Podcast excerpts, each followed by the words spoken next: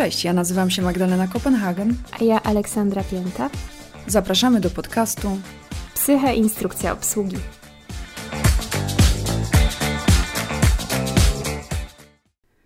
Niedziela wieczór. Od tygodni nie kończysz pracy na czas, prawie nie spędzasz czasu z rodziną i przyjaciółmi i nie przysypiasz nocy, a w weekendy zamiast odpoczywać po tygodniu ciągle myślisz o pracy, projektach, mailach. To powinno zwrócić Twoją uwagę, ponieważ z tymi objawami jesteś na bezpośredniej drodze do wypalenia zawodowego. Jednym z największych problemów jest to, że bardzo niewielu pracowników wie dokładnie, czym jest wypalenie zawodowe i dlatego nie potrafi zapobiec temu na wczesnym etapie, bo właśnie można temu zapobiec. Dosłownie przetłumaczony termin burnout oznacza coś w rodzaju wypalić się, a zatem opisuje uczucie, z powodu którego cierpią osoby dotknięte chorobą. Po długim okresie ekstremalnie dużego stresu fizycznego, psychicznego, emocjonalnego nie mają już energii na wykonywanie swoich zadań. Osoby dotknięte chorobą są całkowicie wypalone i w końcu zwykle nie są w stanie poradzić sobie z codziennym życiem. Wyobraźmy sobie, że każdy z nas ma w sobie taką bateryjkę, która w pewnym momencie się wyładowuje, i jeżeli jej nie naładujemy, to też e, nie jesteśmy w stanie normalnie funkcjonować. Ale zaraz więcej o tym. Tak, tym płomieniem takim podsycającym wypalenie jest właśnie przede wszystkim stres, który może mieć w kontekście pracy przeróżne źródła. Nie tylko przeciążenie pracą, tym, że jest jej dużo, ale też na przykład tym, że jest za trudna w stosunku do naszych kompetencji ale też, co ciekawe, na przykład niedociążenie pracą, czyli wtedy, kiedy jest ona monotonna, poniżej naszych kompetencji, niedostatecznie wynagradzana, taka praca, która nie pozwala na realizację naszych innych potrzeb lub zakres obowiązków pozostaje dla nas niejasny, czyli nie wiemy, kto za co właściwie odpowiada. Z drugiej strony warto też podkreślić, że nie każdy stres w pracy jest zły uwalniane w stresie hormony i wszystkie inne substancje powodują, że jesteśmy gotowi na wyzwanie. Szybciej myślimy, lepiej się koncentrujemy, szybko reagujemy, jesteśmy pobudzeni i gotowi do działania. W pierwszej fazie stres przygotowuje nas do sprostania wymaganiom, także jest on absolutnie niezbędny. I jeśli sobie poradzimy z tym wyzwaniem, to wszystko wraca do normy, ta reakcja stresowa po prostu się domyka, zakańcza. Niestety, jeśli ta reakcja się przedłuża, wchodzimy w fazę stresu przewlekłego, kiedy stale pobudzamy cały organizm i prowadzi to do wyczerpania zasobów i może skutkować chorobami np. psychosomatycznymi, przeróżnymi bólami, obniżeniem odporności i wiele, wiele innych. Więc przechodząc do meritum, jakie mogą być objawy wypalenia? Jest ich bardzo dużo, ale takimi najczęstszymi objawami wypalenia są wyraźny spadek zaangażowania w pracę, którą wykonujemy oraz efektywności działań, chroniczne rozdrażnienie. To jest tak, że w pewnym momencie zaczyna nas denerwować wszystko i wszyscy.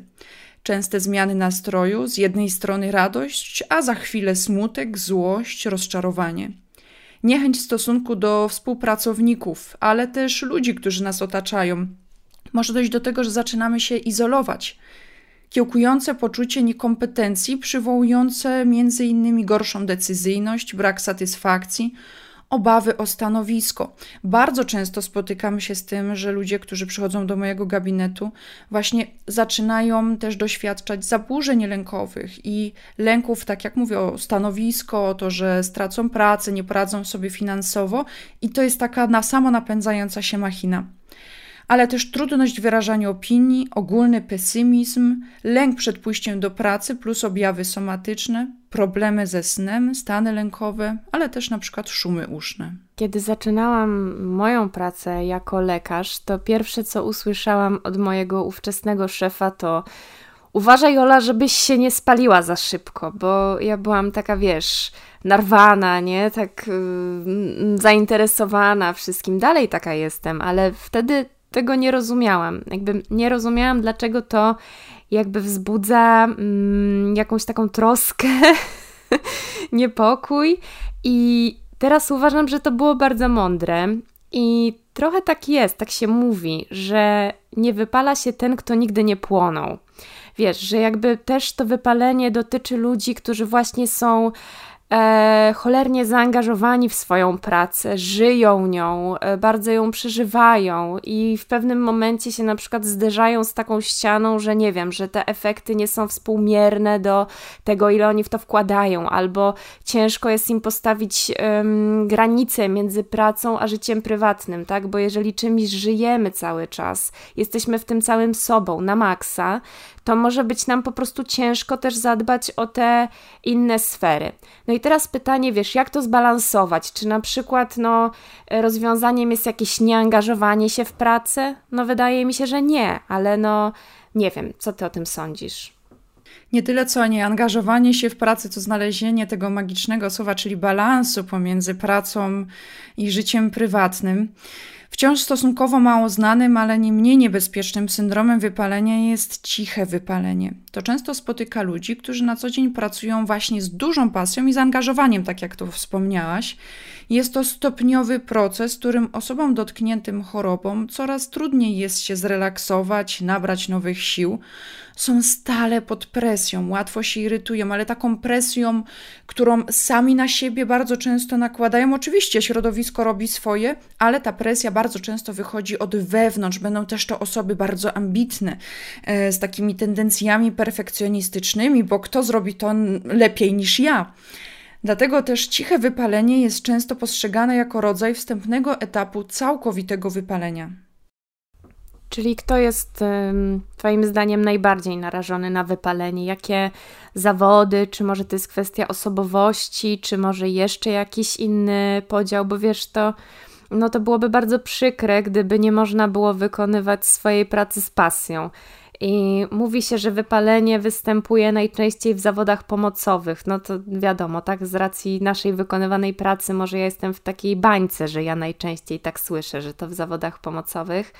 W takich zawodach, które wymagają intensywnych kontaktów z ludźmi, mm, oraz kiedy od tych kontaktów zależy sukces albo rozwój zawodowy. Czyli to nie tylko, że my jesteśmy w kontakcie z ludźmi na zasadzie, nie wiem, że ich obsługujemy gdzieś na jakiejś taśmie i niby mamy ten kontakt z człowiekiem, ale jednak nasz sukces zawodowy nie zależy od tego, jaką relację zbudujemy, nie?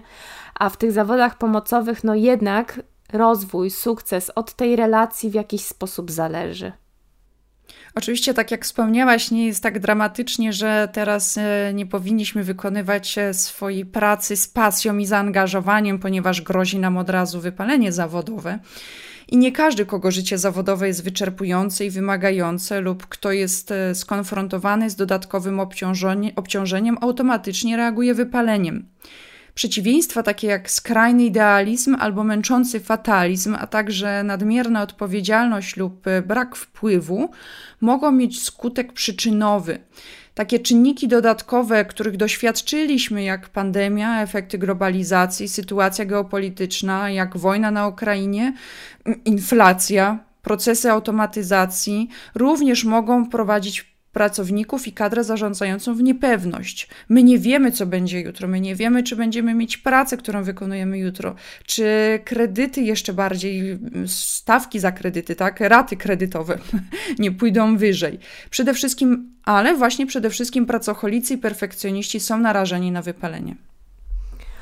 Okej, okay, czyli jakby mm, podsumowując trochę to, co do tej pory powiedziałyśmy, to tak, warto zwrócić uwagę na to, że ten proces wypalenia pojawia się często dosyć podstępnie i tak stopniowo, czyli możemy powiedzieć, że takim stadium ostrzegawczym, kiedy jeszcze totalnie jesteśmy w stanie wszystko zmienić i jeszcze nie mówimy o tym wypaleniu, ale już jakaś taka czerwona lampka nam się powinna zapalić to wtedy, kiedy pojawia się w związku z pracą jakieś uczucie takiego przygnębienia, irytacji, zmęczenia, e, bóle głowy, częstsze przeziębienia, być może bezsenność. To jest taki etap, kiedy w zasadzie wystarczy zmniejszyć trochę to obciążenie pracą, na przykład zaplanować jakiś krótki wypoczynek, urlop, znaleźć czas na swoje zainteresowania. Drugie stadium e, to będzie już wtedy, kiedy tym objawom towarzyszy też pogorszenie wykonywania zadań, czyli już radzimy sobie w tej pracy trochę gorzej, e, mamy częstsze wybuchy irytacji, negatywną postawę wobec innych. I wtedy warto już rozważyć taki dłuższy urlop, e, zwiększenie tej aktywności sprawiającej jakąś przyjemność poza pracą i na przykład spędzenie czasu, nie wiem, w gronie przyjaciół, tak? Czy, czy z kolei jak lepiej się czujemy jesteśmy samotnikami, to zapewnienie sobie takiego czasu właśnie bez innych osób, takiego tylko i wyłącznie dla nas. I trzecie stadium, czyli już takie przewlekłe, chroniczne, to wtedy, kiedy nasza wydajność i jakość wykonywanych zadań jest zdecydowanie gorsza. Możemy w pracy mieć takie uczucie osamotnienia, wyobcowania. I tutaj już mocno nam wchodzi też ta taka sfera. Hmm, prywatna, to znaczy, wiesz, wpływ na życie poza pracą, tak? Czyli pojawiają się różne kryzysy rodzinne, małżeńskie, przyjacielskie i pojawiają się już choroby, na przykład depresja. I to jest ten moment, kiedy potrzebna jest już specjalistyczna pomoc lekarska bądź psychologiczna, no i pewnie ostatecznie y, zmiana pracy.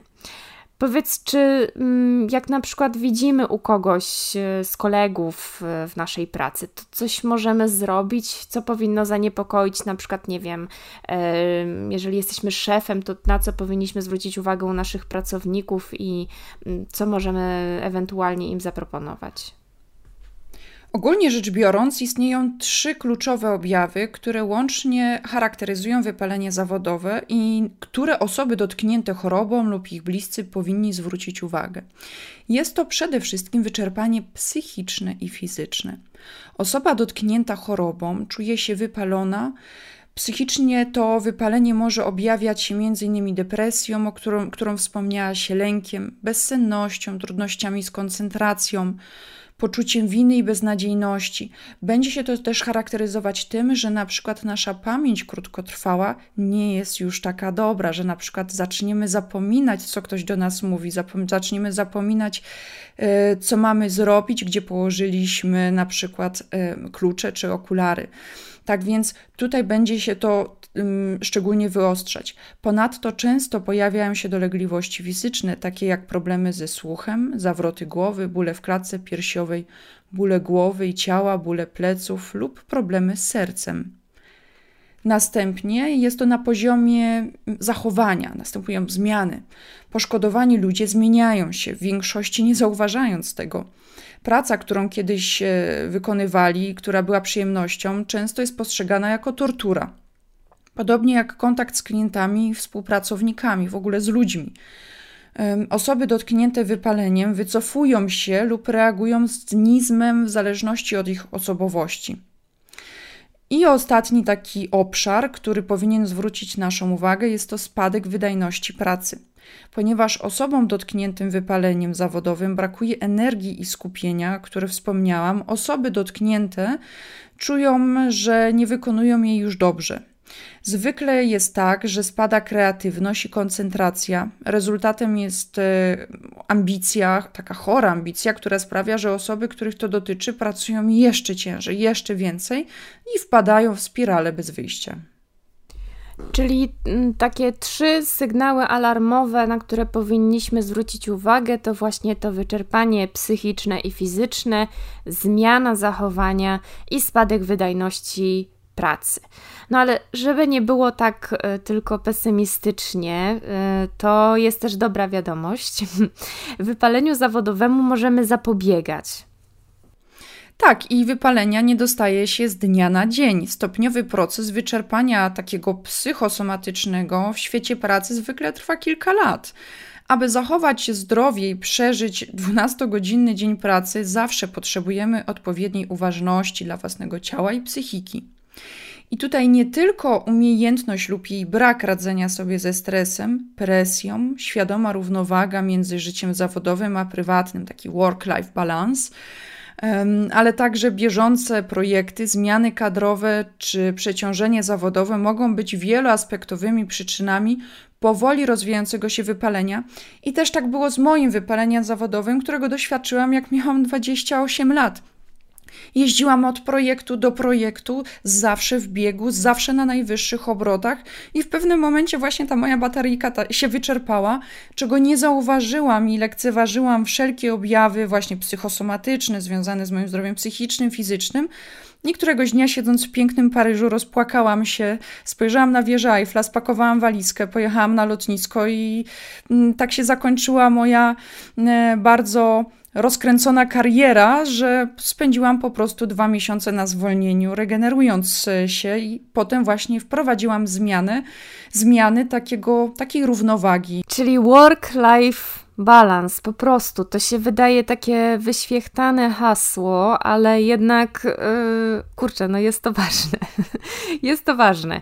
Jak możemy sobie ułatwić yy, zachowanie tej równowagi? No bo jakby tutaj nie ma co ukrywać. Wiadomo, że to napięcie związane z pracą sprawia, że Także w czasie prywatnym po prostu nie jesteśmy w stanie przestać myśleć o różnych sprawach zawodowych, i to może powodować różne konflikty z bliskimi osobami, zmniejsza możliwość odpoczynku, zmniejsza możliwość realizowania jakichś naszych e, pasji.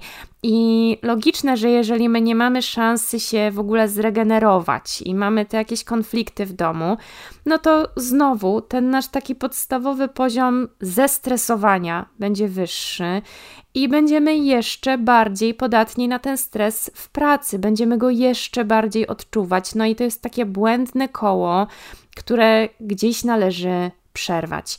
Więc jakby to zachowanie równowagi pomiędzy życiem zawodowym i prywatnym sprawia, że pracownik jest w lepszej kondycji fizycznej, jest w lepszej kondycji psychicznej, może się bardziej zaangażować w pracę, osiąga w niej jeszcze lepsze wyniki i przede wszystkim ten poziom odczuwanego przez niego stresu jest znacznie niższy.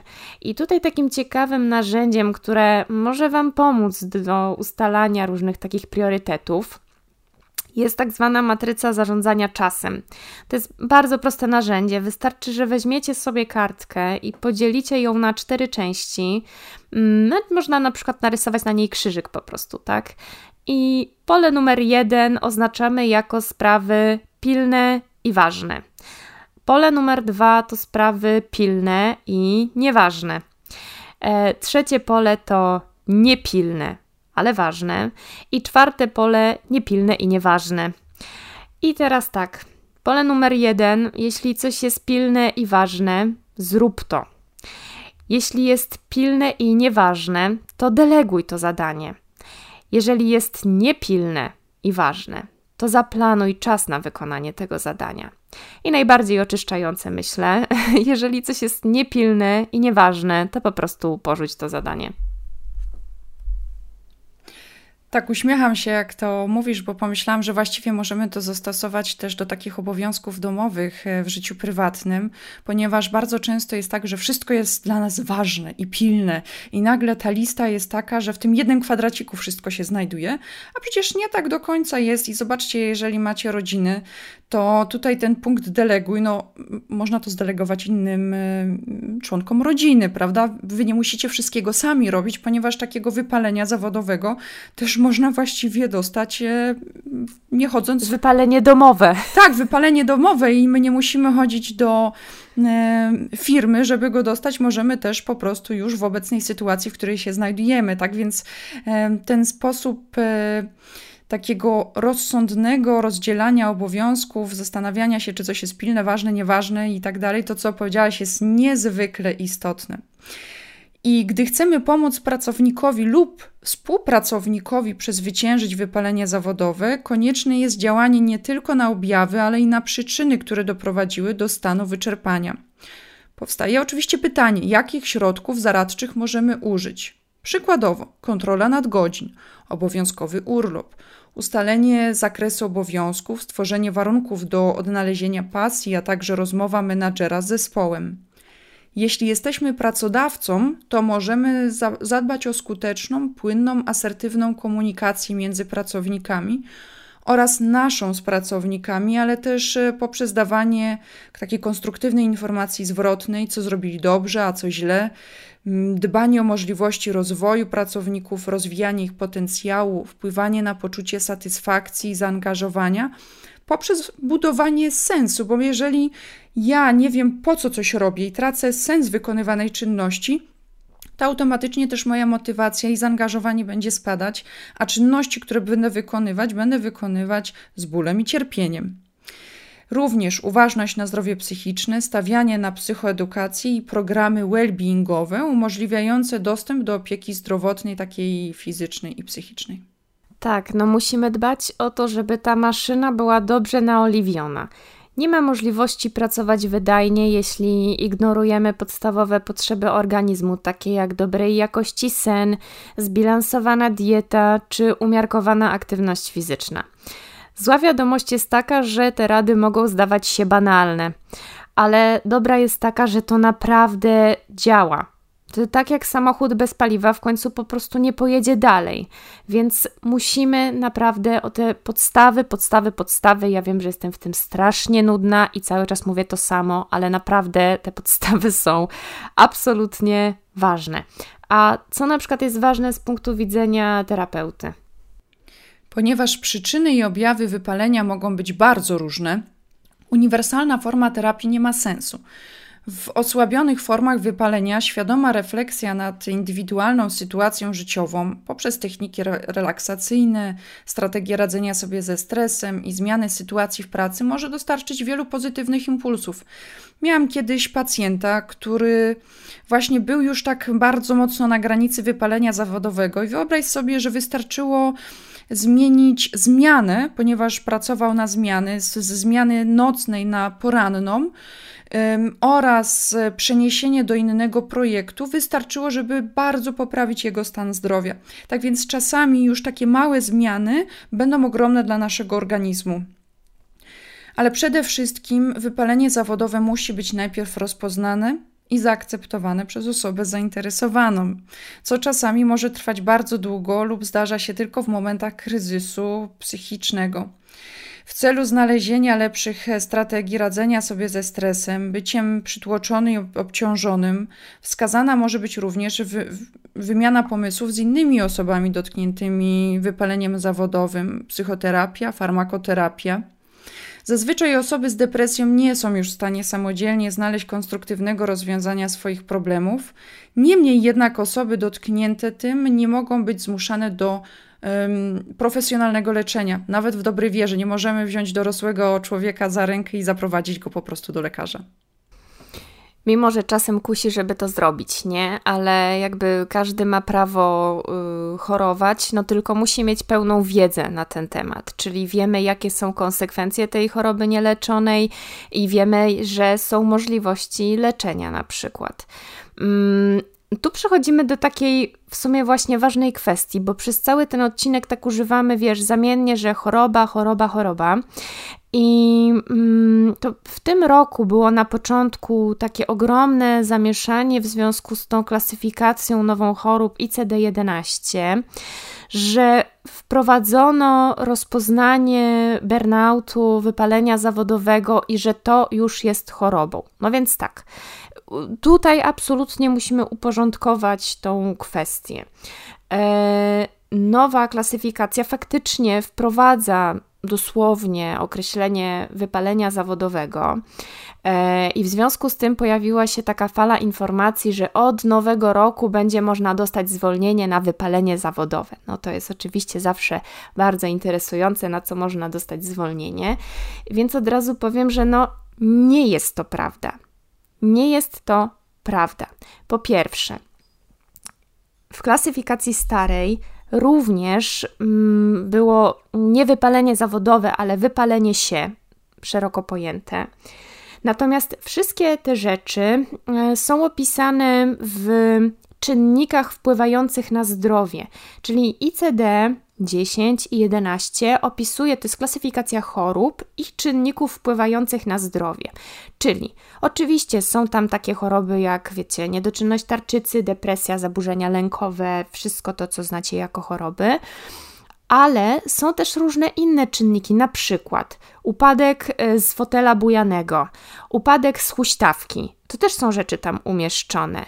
I czy my na, nie wiem, upadek z huśtawki możemy dostać zwolnienie lekarskie? No nie. Natomiast jeżeli ten upadek z huśtawki, który ewidentnie jest czynnikiem mogącym wpływać na zdrowie, bo upadając z huśtawki, nie wiem, można sobie złamać rękę, powiedzmy, to już na tą złamaną rękę możemy dostać zwolnienie czy jakieś tam inne świadczenia, tak, pomoc medyczną. Więc to samo jest z tym wypaleniem. Ja absolutnie nie chcę być źle zrozumiana. Nie chodzi o to, że ja neguję istnienie wypalenia, bo zaraz będzie, że e, za granicą wypalenie jest chorobą i tak dalej. Ja wiem, ale jakby musicie zrozumieć, jak to działa. W Polsce jakby możemy sobie zwyczajowo uznać, że wypalenie zawodowe jest chorobą, no ewidentnie jest to szereg objawów, który może upośledzać funkcjonowanie, ale jeżeli przechodzimy do takich czynności, powiedzmy, administracyjnych, no to wypalenie zawodowe jest czynnikiem wpływającym na zdrowie, czyli my możemy podjąć jakieś działania typu leczenie, na przykład lekami, e, zwolnienia lekarskie, jakieś inne takie stricte już świadczenia administracyjne w sytuacji, kiedy to skutkuje jakimś pogorszeniem stanu zdrowia i możemy rozpoznać chorobę. Najczęściej to będą zaburzenia adaptacyjne, czyli właśnie takie rozpoznanie, które pozwala nam opisać reakcje na stres, reakcje na różne mm, okoliczności życiowe, czyli na przykład właśnie to nie wiem, przytłoczenie pracą czy wypalenie zawodowe. Często też oczywiście wypalenie zawodowe może prowadzić do depresji, do zaburzeń lękowych, do bezsenności, więc to są te sytuacje, kiedy na przykład wkracza psychiatra i kiedy możemy właśnie pacjenta leczyć, kiedy możemy mu wystawić zwolnienie. Ale też pragnę podkreślić, że generalnie zwolnienie nie jest rozwiązaniem. Zwolnienie tak naprawdę nic nie leczy i jeżeli jesteśmy przytłoczeni pracą, to oczywiście w pierwszej kolejności należy nam się urlop wypoczynkowy, po to on jest, po to on jest wpisany w kodeksie pracy, żeby z niego korzystać. E, natomiast ja ostatnio byłam na świetnej konferencji, gdzie właśnie podkreślano rolę pracy też w zdrowieniu. Czyli tak naprawdę powinniśmy mm, stosować zwolnienie lekarskie wtedy, kiedy na przykład włączone leczenie um, może stwarzać jakieś zagrożenie w pracy, tak? Typu, nie wiem, że włączamy pacjentowi leki, a on jest zawodowym kierowcą, jak mu się w pierwszych dniach e, leczenia, nie wiem, będzie kręciło w głowie, no to to wpływa realnie na jego pracę, skutkuje jakimś zagrożeniem. Natomiast weźcie pod uwagę, że celem każdego leczenia jest przywracanie pacjenta do jego normalnego funkcjonowania. Czyli często jest taka błędna, błędne koło, nie, nie błędne koło, pułapka, wiesz, że ktoś siedzi w domu, jest totalnie odcięty od czynników, które na co dzień go spotykają i, i czuje się dobrze. Natomiast kiedyś musi wrócić do tych czynników i znowu się będzie czuł źle. Czy my coś w tym momencie leczymy? Nie. Natomiast zdarza się, że w ten sposób utrwalamy pacjenta, utrzymujemy go w jakiejś patologii, na przykład w, nie wiem, chodzeniu do pracy, której e, nie lubi, nie chce wykonywać i gdzie ma mobbingującego szefa, tak? Bo nie ma żadnej motywacji do tego, żeby to zmienić. A druga sprawa jest taka, że jeżeli praca jest fajna, ale pacjent sobie z nią nie radzi ze względów chorobowych, no to faktycznie to zwolnienie krótkie ma sens, natomiast docelowo w pracy mamy tak, zachowaną rutynę, czyli mamy organizację dnia. Pacjent często się czuje potrzebny, ważny, jest zaangażowany w jakieś zadania. E, praca jest ogromnym takim bodźcem stymulującym dla mózgu, tak? Więc też wtedy leki lepiej po prostu działają. I przede wszystkim my jesteśmy w stanie realnie ocenić, czy ten pacjent ma poprawę funkcjonalną, czyli nie tylko, że znikają objawy, które nam pozwalały na przykład rozpoznać, nie wiem, depresję, tylko że oprócz tego, że te objawy zniknęły, to ten pacjent faktycznie funkcjonuje na takim samym poziomie jak przed chorobą, albo prawie takim samym poziomie, tak maksymalnie zbliżonym. No, to to chciałam w kwestii zwolnień lekarskich powiedzieć. Bardzo się cieszę, że to tak e, dogłębnie omówiłaś, bo wiąże się to z wieloma wątpliwościami. Też bardzo często ja jestem pytana o to, czy mogą pacjenci dostać zwolnienie, na jakiej podstawie tak finalnie to tak czy tak decyduje lekarz. Ale słuchajcie, jakby nie było, tak reasumując to, co powiedziałam ja i Ola, dbajmy o siebie. Jeżeli coś jest inaczej, jeżeli czujecie się inaczej, jeżeli e, wasi bliscy inaczej się zachowują, inaczej czują niż zwykle, niż tak, jak ich znacie, powinno to zwrócić waszą uwagę, wzbudzić niepokój, ponieważ to nie musi być wypalenie zawodowe, to może być wszystko inne, ale generalnie każda zmiana powinna zwrócić naszą uwagę i warto wtedy udać się do lekarza, psychiatry. Warto potem zdecydować się na konsultację u psychologa albo psychoterapię. Dziękujemy Wam za dzisiejszy odcinek. Dbajcie o siebie i do usłyszenia. Dziękujemy bardzo. Do usłyszenia.